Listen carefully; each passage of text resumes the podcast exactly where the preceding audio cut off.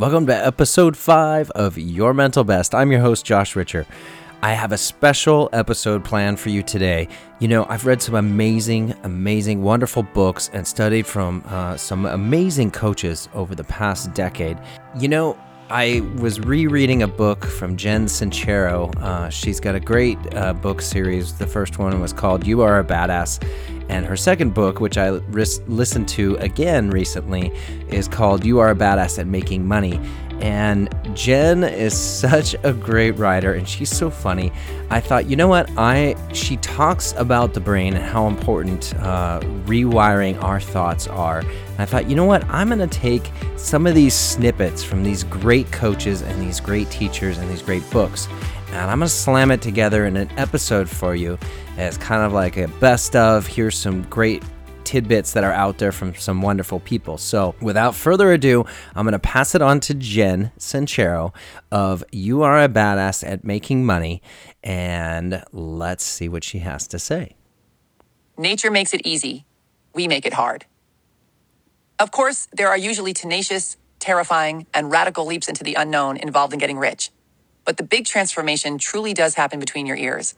And I want to stress that it's not hard. I can almost guarantee you that you've worked harder at other things in your life than you'll need to work to become a financial badass. I'm not saying you won't have to work hard at all, but I am saying that my life with money is a hell of a lot easier than my life without it ever was. And here's the awesome bonus prize with this mastering your mindset thing, as if getting rich isn't awesome enough. Once you start shifting your mindset and getting into the flow with money, your energy will shift and many other parts of your life will start shifting too. When you transform your financial reality, it's not just about gleefully watching the numbers grow in your bank account. It's about who you had to become to make that growth happen. You had to shed your old ways of being and grow into someone who thinks big. Someone who finds possibility more interesting than you find your excuses. Someone who regards your empty wallet, flimsy resume, and zero idea of how the hell you're going to pull this off as cute little hiccups on your path to greatness. If you can get rich, you can do anything. Because not only are you the kind of person who now kicks ass and takes names, but it's all connected. The limiting beliefs that held you back from making money are much of the same crap that's keeping that 20 pounds on, or that inspires you to date people who don't like you, or that has you clouded by doubt and indecision. The dam has been broken, the floodgates of badassery are now open, and your limiting beliefs have been exposed as the frauds they are. It's like when you get in shape after a serious bout of lazy sloppiness. You start eating better, you walk taller, you're more focused, happier, more confident, more energized, more flirty, more well shaven. If you want to change your life, change your life. Badassery seeks its own level. I'd like to end here by reminding you that you not only have every single thing you need to get rich inside of you right now, but you've got the universe backing you up and cheering you on, just as it does for every other living thing in nature. It's like when you see a friend who's so awesome and gorgeous and talented, and she sits around worrying that she doesn't know what she's doing, doubting her brilliance, complaining about her weak chin. You want to shake her, wake her up, create a PowerPoint presentation highlighting all her awesome traits. You're so excited to show her her greatness and lovability. You so badly want her to understand that she could easily do whatever she set her mind to. You want her to see in herself what you see in her. This is how the universe feels about you and your struggle with money. The universe is having a heart attack thinking about how awesome you are, and it's got everything you need at the ready to help you get rich. It's just waiting for you to get out of your own way, stop focusing on your limiting beliefs, and get on the money party train. We live in an abundant universe where all the money you desire is available to you. As soon as you decide, really truly decide to get rich, you open yourself up to the means to make it happen. Imagine how freaking awesome it's going to feel when you beat this beast of financial struggle into the ground. When you defy a lifetime's worth of truths about your ability to succeed, your worthiness, money's evil ways. Imagine the relief and feeling of accomplishment when you and money are BFFs, coming and going in each other's lives, happily supporting each other, braiding each other's hair. You've done the impossible before. You've gotten the job you were unqualified for, gotten the girl or the guy, moved across the country, bought the house, got the keys you locked in your car without breaking a window. You can get rich too. You are mighty and magnificent beyond measure, Grasshopper. You are meant to follow your desires. You are meant to blossom into the fullest expression of your unique and fantabulous badassery. You are meant to be rich. Jen is such a great author. You have to read both of her books. They're fantastic. Uh, she's one of my favorites. Now, I I love Jen and I love her books because she constantly talks about the power of your mindset and shifting your mindset and how that facilitates full, unique, sustainable lasting change in your life and how important it is to step inside your own head. Get rid of your excuses. Let go of uh, those things that you know you're holding yourself back with, those limiting beliefs and all of that stuff, and to just let that go and step into your own, step into your new, and how you can own it and you can do it quickly. Next, I'm going to share with you a great recording from Jack Canfield. Now, Jack did the Chicken Soup for the Soul series uh, amongst many, many other amazing things. And Jack is a wonderful coach. Um, this was him speaking at an event in Aspen. Uh, it was a Peak Potentials event.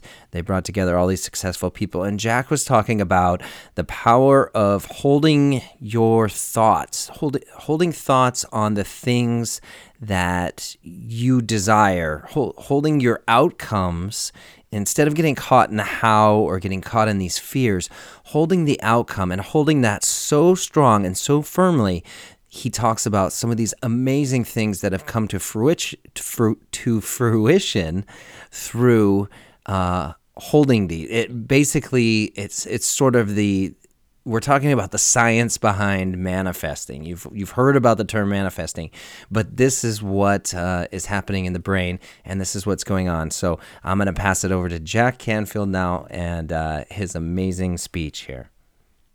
So it's critical that we learn the power of our mind and use it. And I know most of you know this, but it's important to really see how far this extends.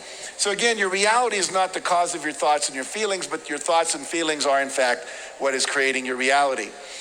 Now, every thought you send is a vibration. And I want to share a story with you. Mark and I decided one day that we were going to sell a million books in one day. No one had ever done that up until then. Since then, uh, J.K. Rowling's done it with, I think, the third Harry Potter book. Now, at that point, there was no model to go after, no one to say, How did you do it so we can model what you did? We simply had a vision and a goal. And we started holding this in our mind every day. We'd see a picture, a New York Times headline Canfield and Hansen sell million books in one day. And we visualized it, we intended it, we put energy into it, we talked about it, we fantasized about it, we believed it was possible. About 35 days later, we're at this conference in New York We're at this conference in New York where uh, they have the um, American Booksellers Association convention.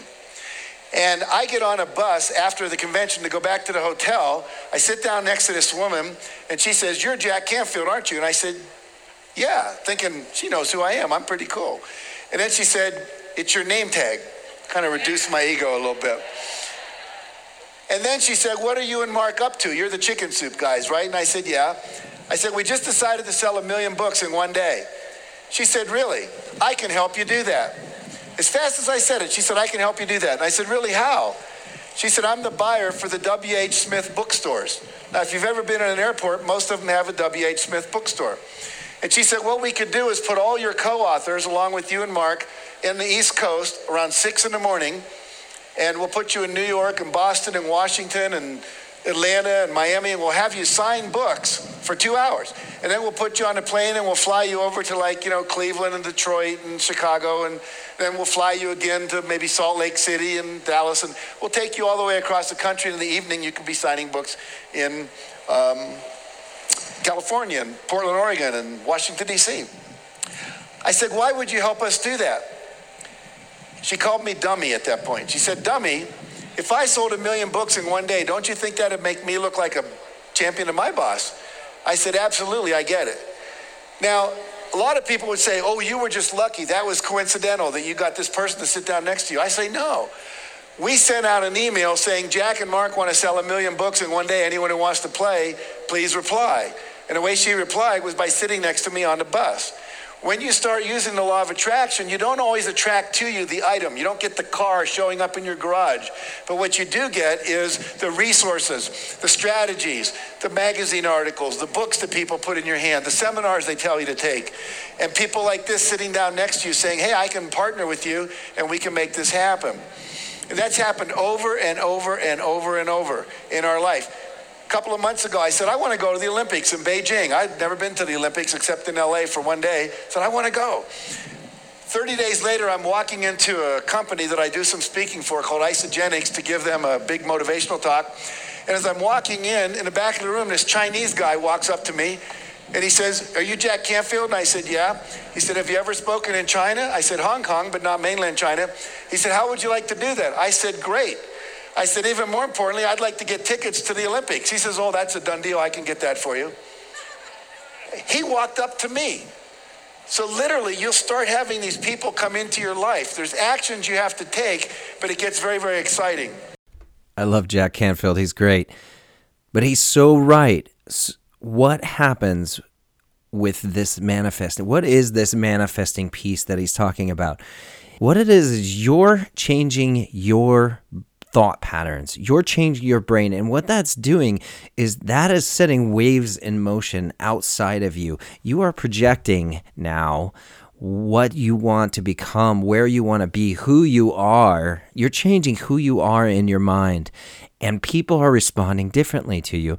And I've seen it happen just the way that Jack was talking about too, where I was at a, a an event. You listened to Sal Mariano, the the last episode with Sal and I. We had a lot of fun.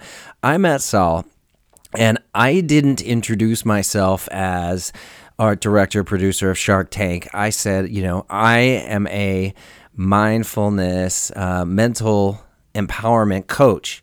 And Sal and I connected immediately and started talking about that. Where, as if I presented myself uh, from my old person, who I was, the the TV person, and if I put that out there, you know what, Sal and I might have had a great half hour comp conversation on how he loved Shark Tank, and uh, we would have talked about the pitches and what it's like to meet the sharks, and we would have parted ways, and that would have been it. But I've owned my new role as a coach and you know all the studying I've done over the last uh, multiple years I've owned that so now that's who I am and that's how I go out into the world. And now opportunities are coming to me. Sal said I had this podcast. I would love to interview on you on the podcast. And boom Sal and I got together you know days later recorded and we had a really really great time. So these things are going to come to you because you are owning your vision of you and you're owning what you want to be. It's really, really cool stuff. And I love that uh, speech from Jack. He's awesome. Now, the next coach that we are going to visit is Miss Lisa Wimberger and she had a great book called Neurosculpting. And neurosculpting was about literally changing your brain. It gets a little sciency and but it's awesome. I mean, Lisa explains what's going on and how stress affects your body, especially, and how holding those thoughts of stress uh, are physically damaging to you and your organs and th- and everything going on inside of your body, and how that changes the gray matter in your brain. You actually you're you're creating pathways by reinforcing stressful thoughts and by indulging in stressful thoughts and reacting and getting angry you're strengthening that part of the brain and building those highways, those little neuro highways. You're you're building them bigger and stronger, and you're atrophying the parts uh, like joy and enjoyment in life. And so we really, really, she outlines what's going on physically in the body and how powerful our thoughts are for changing. Uh, our own brains and changing the gray matter and those little highways in our own brain. So, without further ado, I'm going to turn it over to Lisa Wimberger of Neurosculpting. So, when we experience stress, we engage that fight or flight center to signal the release of adrenaline and cortisol in the body. And these hormones are fabulous in an emergency. They are fabulous if we plan on using them to run from the predator or the careening, speeding car. But what if we don't use them? As in the case of perceived stress. So, what if we don't act upon them because what we're angry at is an email? And what if we don't act upon them because what we're angry at is a person in a car that we're never, ever going to see again? Well, we don't use those hormones if we don't act upon them. And if they're not used by our muscles, then they begin to use us in a very real sense. So here's what we're doing when adrenaline kicks up. We're recruiting blood from the internal organs and systems, and we're sending it to the muscles and the limbs for quick use, energy, strength, speed. We increase our sense of smell and hearing. We increase our peripheral vision. We're on. And we feel a buzz. And when blood goes from the internal organs to the limbs like this, we don't have resources for what the internal organs like to do, which is digest, absorb nutrients, produce our immune cells, breathe deeply. So if you think about it, this makes sense. If you were being chased by a hungry tiger, you don't want to waste your resources digesting food. You want everything available in your limbs so you can run as fast as you've ever run in your whole life. And this is why you might have noticed in that exercise things like a dry throat or contracted tense muscles. Perhaps your breathing was shallow, or maybe even your heart rate increased just a little bit. You were bearing witness to the miraculous and instantaneous access you have to adrenaline. And you turned it on all by yourself with one small thought. And over time, this is a very bad cycle if we're overusing it. It can compromise our ability to absorb nutrients over time. It can compromise our ability to resist colds, fight off viruses. It can skew our ability to regulate blood sugar. It can cause inflammation in the brain and joints, high blood pressure, stroke, type 2 diabetes, fibromyalgia, depression, substance abuse, foggy brain, MS, Parkinson's, Alzheimer's, and I'm just going to stop there because that's just a small piece of the list. And here's something that science has discovered. This is very tricky. The chronic elevation of those stress hormones in the body, such as cortisol, damage the hippocampus in the brain. Now, the hippocampus is in the center of the fight or flight mechanism. It's highly involved in creating and storing new memories, and it's highly involved in turning down the fight or flight response. So, by excessive stress, we're actually damaging our body's off switch for the stress process. Imagine this you have a terrible migraine, and you're in a room with really bright lights, and it's just absolutely hurting you. And you want those lights turned off. So instead of turning them off by flipping the switch, you're angry, so you throw a sledgehammer and you smash the switch, and now it's stuck in the on position. You've damaged your ability to turn off the very thing that's causing you pain. This is what damaging the hippocampus does to our stress cycle. And just when you think this is enough to deal with, it gets even more complicated. Neurons in our brain, those are our brain cells, they go by a use it or lose it principle. If we stop using a certain neurological pathway or map, it will prune itself back, shrinking its reach. It's going to actually minimize its connection to other maps in the brain. And the converse is also true. This is neuroplasticity.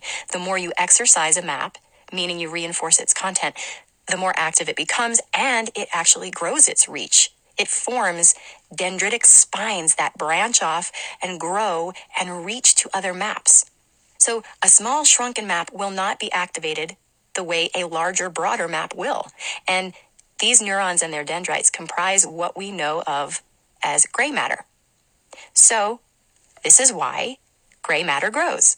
The more we use it, the denser it gets with dendrites and activity. So if you keep exercising those stress based thoughts, you're going to eventually broaden the neurological reach of that stress map, and it will now associate with more maps and thicken the gray matter. And while shrinking the gray matter if it's unused. So in this case, potentially, you'd be shrinking happy thoughts if you're not using those maps and growing stressful thoughts if you're reinforcing those maps. And if we were to use a metaphor, and say gray matters like a muscle, then which muscle do you want to continue to exercise? And which muscle would you like to atrophy? We'll take this metaphor a little further. Let's say our limbic based threat response was represented by our right arm, which reaches out to the world with a fist in defense. And our compassionate, empathic prefrontal response was represented by our left arm, which reaches out to the world with an open handshake. Now I tie your left hand behind your back for years, and then it shrinks. And when I untie it, whether someone comes at you with anger or reaches out to you in generosity, you'll only have your right arm to reach out with, and that will be your fist. You'll have to work to rehabilitate the left arm diligently every single day. And eventually you'll strengthen it back to balancing out the right arm so that when someone approaches you with generosity, you have the choice to use your left hand, the open hand, the handshake. And then when someone comes at you in threat, you have the choice to meet them with a fist. But without the exercise and commitment, you will always default to the stronger muscle. So we don't want our fear based threat response to be that stronger muscle. With this insidious feedback loop happening, your stress response is engaged frequently, regularly. So, what lens do you think you're seeing the world through? And are you going to then see the glass half empty or half full? How easy is it going to be for you to see the silver lining? How well can you be there for people around you in need? And how open are you going to be to seeing someone else's perspective? How much are you going to have left to give? Well, based on this cycle, I think you can start to guess at your answers. Amazing insights into the brain, and Lisa is the the book Neurosculpting is awesome. It's really fantastic if you want to understand how to rewire uh, your brain. And that's basically what this is all about. That's what your mental best is all about, and all the work that I do is teaching you simple exercises on how to rewire your own brain for success, sustainable happiness, control in life, controlling all of your reactions and your thoughts, and therefore your world around you changes. That lens that you're seeing the world through becomes different, and therefore life starts to become different. Life is a reflection of your mind and your thoughts. The life around you is completely 100% under your control. And so we need to learn the tools to rewire our own brains and grow that gray matter uh, in these new areas and build up those muscles that haven't been worked up, like Lisa was talking about, and focus on those things in the future and hold those those visions in the future so strong, like Jack was talking about, that happens, it, it manifests itself, it comes to fruition because you've already made it real in your mind. So that is today's episode five, sort of a greatest hits episode, a revisit into a lot of the wonderful books that I've read. There's so much material out there, you guys. So many people are talking about this. If you want to learn more, you can check out my course. Uh, go to joshritcher.com, R I T C H E R.com. There's a course button. I have an eight week course. If you want to learn how to rewire your own brain, you can do that there. And and I, we've got the Facebook group, uh, Facebook forward slash your mental best. You can ask questions. I'll answer questions there. There's a great community. But uh, yes, take hold of your mind, take control of your mind, and uh, use these tools because you can create a beautiful, beautiful life for yourself. You absolutely can. I'm a living proof. So, thanks for listening to Your Mental Best. I'm Josh Ritcher, your host, and tune in next week for some more fun. Who knows what we're going to do? We're mixing it up all the time. So, see you then.